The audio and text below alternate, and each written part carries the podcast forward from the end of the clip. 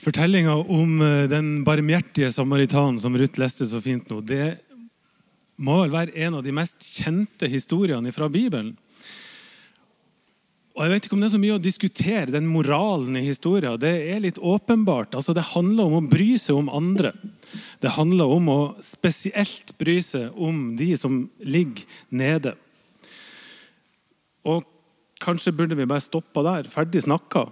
Men det er ett spørsmål som ikke er fullt så opplagt svar på, som ikke er så sjølsagt i denne historien. Og det er hvem er det vi identifiserer oss med, vi som sitter her? Identifiserer vi oss med han som stoppa opp og hjalp? Eller identifiserer vi oss med de to som gikk forbi? Eller kanskje vi identifiserer oss med han som lå nede? Jeg tror de svarene der, Svaret på det spørsmålet, hvem vi identifiserer oss med, det tror jeg vil være forskjellig fra person til person, også her i rommet. Jeg så denne uka en dokumentar på P3. P3 har begynt å lage dokumentarer om hvordan ungdom lever. Det var på tide de begynte med den slags igjen. Der er det en liten film hvor tre unge mennesker blir portrettert, og miljøet de er i, blir portrettert. Den ene gutten han heter Bassel. Han kommer fra Eidsvoll. Og jeg tror ganske sikkert at han identifiserer seg med de som ligger nede. Det er et sånn fint øyeblikk i den lille dokumentaren der han sitter i senga si på rommet hjemme på Eidsvoll, og så forteller han historien sin.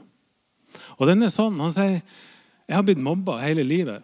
I hvert fall fra jeg var 6 og til jeg ble 16 år. Jeg vet ikke hvor gammel han er nå. 20, kanskje? Han sitter her med grønt hår for anledningen. Stort sett er det rosa eller blått, eller noe, men nå er det grønt. Han har masse tatoveringer, piercinger overalt. Han er kul. Så sier han jeg har blitt mobba hele tida. Jeg har ligget nede hele tida. Grunnen til det er først at jeg har en sykdom som heter cerebral parese. Det vises nesten ikke, men det går litt rart. Så det tok de meg før da jeg var barn. Og så er jeg litt nerd, da. Jeg må jo bare innrømme det. Men nå syns jo nerder er kul, sier han. Men jeg har blitt tatt for å være nerd. Og da jeg kom ut av skapet som homofil, ja, da ble det verre enn noen gang. Og det bryr jeg ikke meg så mye om akkurat nå, men det har brydd meg om da jeg var mindre, sier han. Og så snakker han om det han skammer seg over. Han skammer seg over kroppen sin. Åh, jeg, skulle, jeg hata kroppen min, sier han. Jeg skulle ønske jeg hadde en annen kropp. Aller helst skulle jeg hatt en damekropp. Men grunnen til at jeg har alle disse hårfargene og skifter og får piercinger, og alt dette her, det er jo for at da er jeg litt meg sjøl, og da har jeg litt bedre sjøltillit. Og da holder jeg ut med meg sjøl. Og kanskje noen andre holder ut med meg også, da. sier han. Og så sier han en fin setning. Det å bli mobba for den man er, det å bli tatt, det gjør inntrykk. Og det gjør så vondt. Men det som kanskje er aller, aller verst, det å bli holdt utafor. Og det å ikke få være med på det de andre er en del av. Det er tungt, sier han. Og så er intervjuet over. Så ser vi at han tar toget inn til Oslo. Går på stasjon i Eidsvoll, setter seg på stasjon, inn i vogna, og så går han ut på Oslo S. Og der, der blir han møtt av gjengen sin. Masse gode omfavnelser, fantastiske blikk. Og der kan han være den han er. For Oslo S, som jo ligger rett nedi gata her, Norges travleste transportknutepunkt, der sitter altså en gjeng som Bassel er en del av.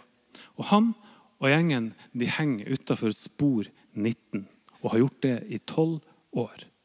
Her er det en del ungdommer som er fra østlandsområdet, det er stort sett tenåringer som har vært utsatt for akkurat det samme som Basel.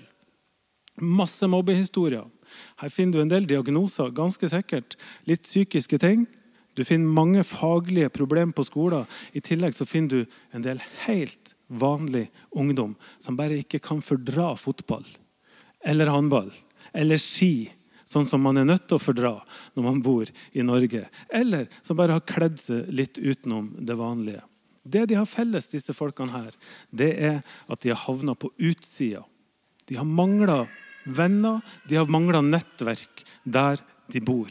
Og Basel han fortalte om hvordan han har havna utafor, og hvor mye han har kjempa imot skammen i hans liv. De andre de har sine historier. Men her på Spor 19 på Oslo S. Her har de laga et miljø som er helt fordomsfritt. Her kan du kle deg akkurat sånn som du vil. Ferdig snakka. Her kan du mene det du vil. Her kan du ha den seksuelle legninga du vil. Her kan du være så vanlig og kjedelig og A4 som du bare vil. Det er greit. Her handler det om én en eneste ting. Det handler om å akseptere hverandre sånn som de er. Uansett. Det handler om å bruke tid sammen, sånn at de kan skape et fellesskap som gir livet mening og verdi.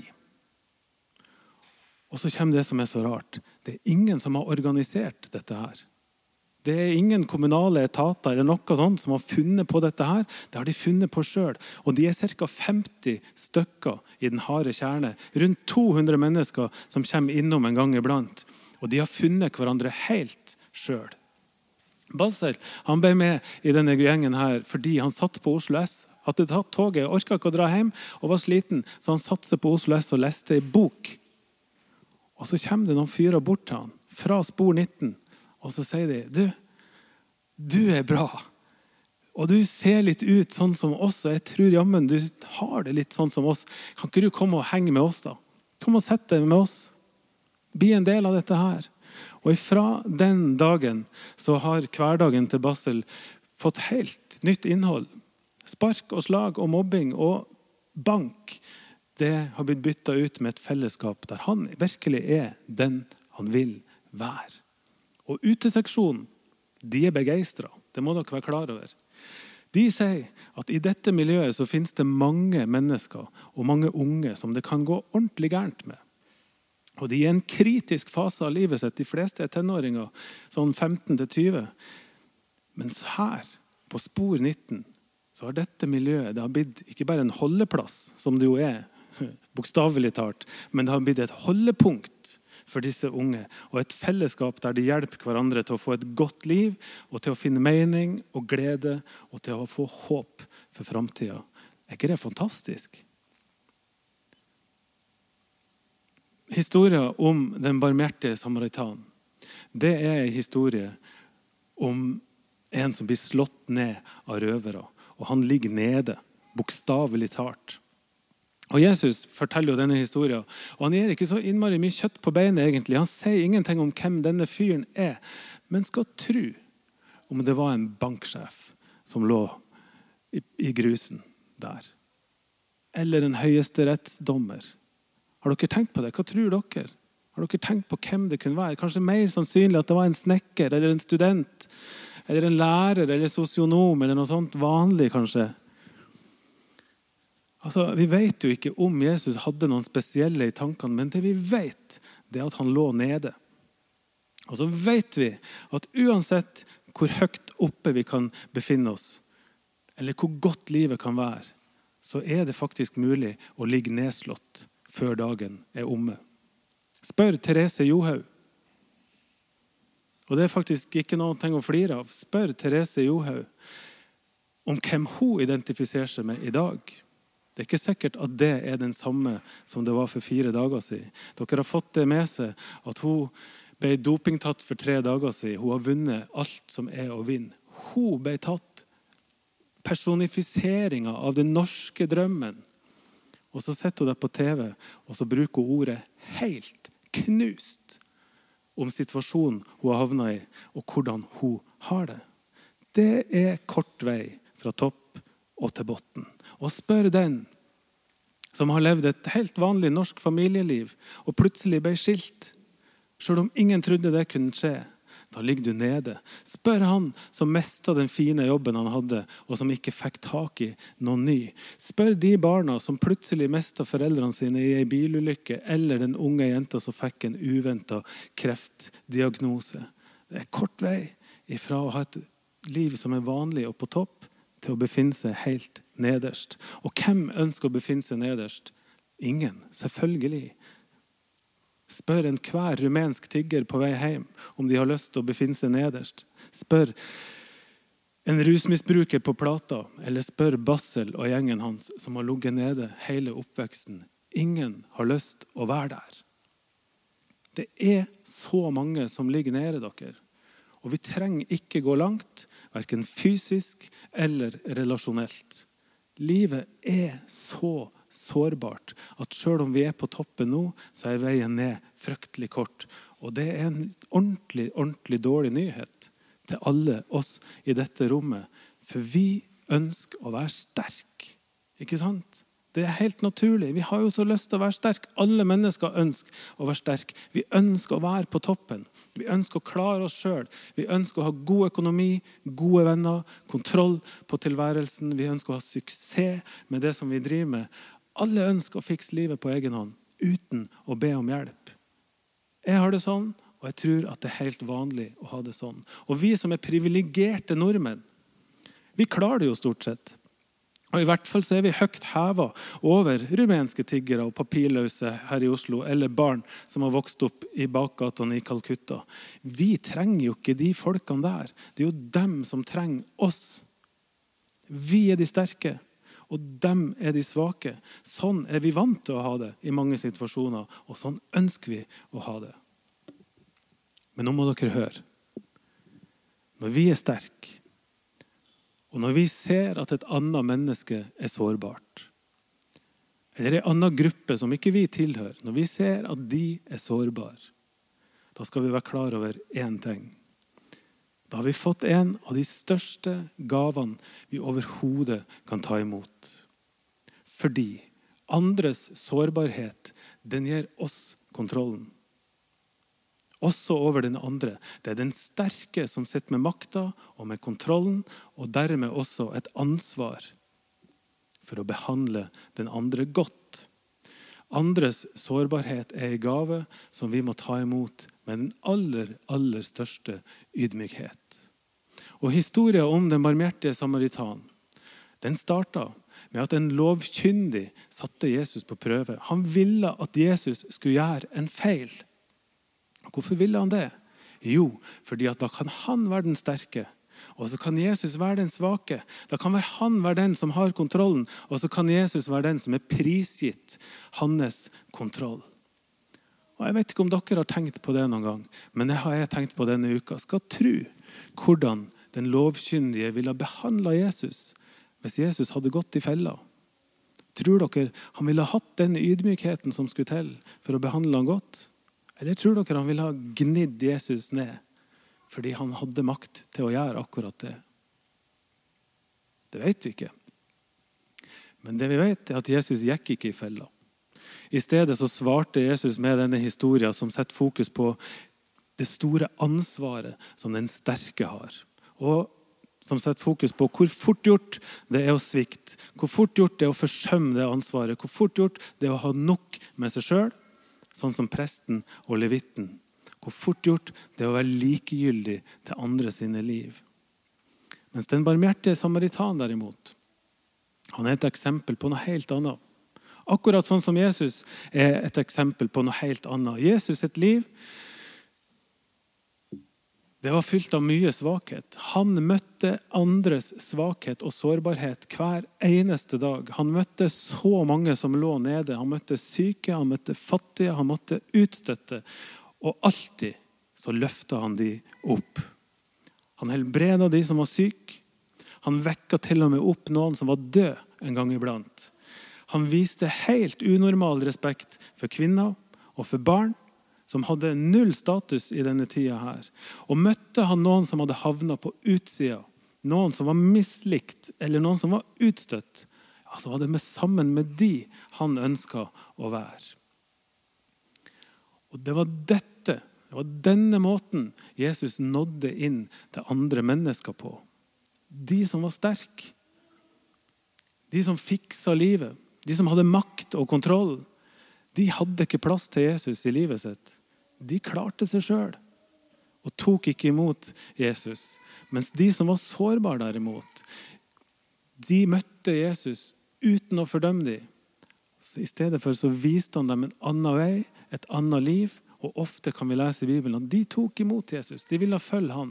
Sårbarheten ble møtepunktet mellom det nedslåtte mennesket og en Gud som løfta opp. Jesus nådde kun inn til mennesker som var sårbare. Dagens budskap er ganske enkelt. Når vi ser andre som er mer sårbare enn oss sjøl, da har vi et ansvar. Vi har et ansvar for å vise disse menneskene på samme, eller for å møte disse menneskene på samme måte som Jesus gjorde. På samme måte som den barmhjertige samaritan gjorde. Med godhet. Og Hvordan kan vi klare det? Hvordan skal vi få det til, vi som ønsker å være så sterke hele tida? Først og fremst så tror jeg at vi må be til Gud. Be til Gud om at Gud skal gi oss en så stor kjærlighet for andre at vi aldri blir likegyldige når noen ligger nede. Har dere bedt den bønna noen gang? Om å få den kjærligheten til andre mennesker, sånn at vi aldri blir likegyldige når vi ser noen ligge nede? Tenk hvis vi begynner å be den bønna, og den bønna virker. Da kan denne verden bli et ganske godt sted å være. Og jeg tror den bønna er et sted å starte. Men så handler det om litt mer enn bare bønn. Jeg tror ofte så handler det om å kjenne på sin egen sårbarhet. Og kjenne på hvor kort vei det er fra toppen og til bunnen. For vi som sitter her, og alle mennesker i denne byen, vi er like sårbare alle sammen. Uansett hvor vi befinner oss i livet. Og sårbarhet det er ingenting å skamme seg over. Bassel og gjengen på Spor 19 de vet hva det vil si å ligge nede. Og mange av disse ungdommene de er offer for mye ondt. Og sårbarheten den ligger utapå når du ser dem og møter dem. Men så er det sånn da, at denne gjengen her, de er så mye mer enn offer. For meg så er de noen helter, hele gjengen. De er noen ordentlige helter fordi de går ikke forbi noen som ligger nede, disse folkene her. Tvert imot. Når Bassel og resten av gjengen ser noen som de tror er utafor, så går de bort og så sier de, 'Jeg syns at du ser bra ut.' Har ikke du lyst til å komme til oss? Sitt sammen med oss, heng sammen med oss og være en del av dette fellesskapet. Og Jeg tror ikke alt er fryd og gammen på spor 19. Men jeg tror at her har vi noe å lære, alle vi som skal være så sterke hele tida. Det er ikke lett å gå forbi hvis du tenker at den som ligger nede, det kunne vært med. Sårbarhet dere, det er noe av det fineste vi kan gi til andre. Og det er den største gava vi kan få fra noen andre. Det er bare når vi er sårbare, at vi kan lage et fellesskap som er varmt oss imellom. Og det er bare når vi er sårbare, at Jesus kan slippe til i vårt liv. Og nå skal vi ha nattverd. Og nattverden den handler om at Jesus er her. Jesus er i rommet nå. Og Vi er forskjellige mennesker og kan kanskje erfare akkurat det på forskjellige måter. Noen erfarer det best gjennom musikken, sangen, når vi synger eh, tekstene og alt dette her. Noen erfarer det når vi ber. Noen erfarer det når vi bekjenner trua vår, eller i tekster som blir lest fra Bibelen, eller i ordene som vi sier nå, eller bare ved å være her i fellesskapet. Men nå skal vi som sagt snart ha nattvær, og da tror vi i Kraftverket at Jesus er her helt konkret, i brød og i vin. Og at vi kan gå til Han med alt som vi er, og med alt som vi har. Og hvis livet er helt topp, hvis vi er der oppe så kan vi gå konkret til Jesus med vår takk for alt det gode. Og med ei bønn om å aldri bli likegyldig overfor de som ligger nede. Og Hvis livet er vanskelig, så kan vi komme til Jesus i nattverden med ei bønn om at han skal bære oss gjennom det som er vanskelig, og vise oss en ny vei og et nytt liv, og at vi kan få starte helt på nytt sammen med han.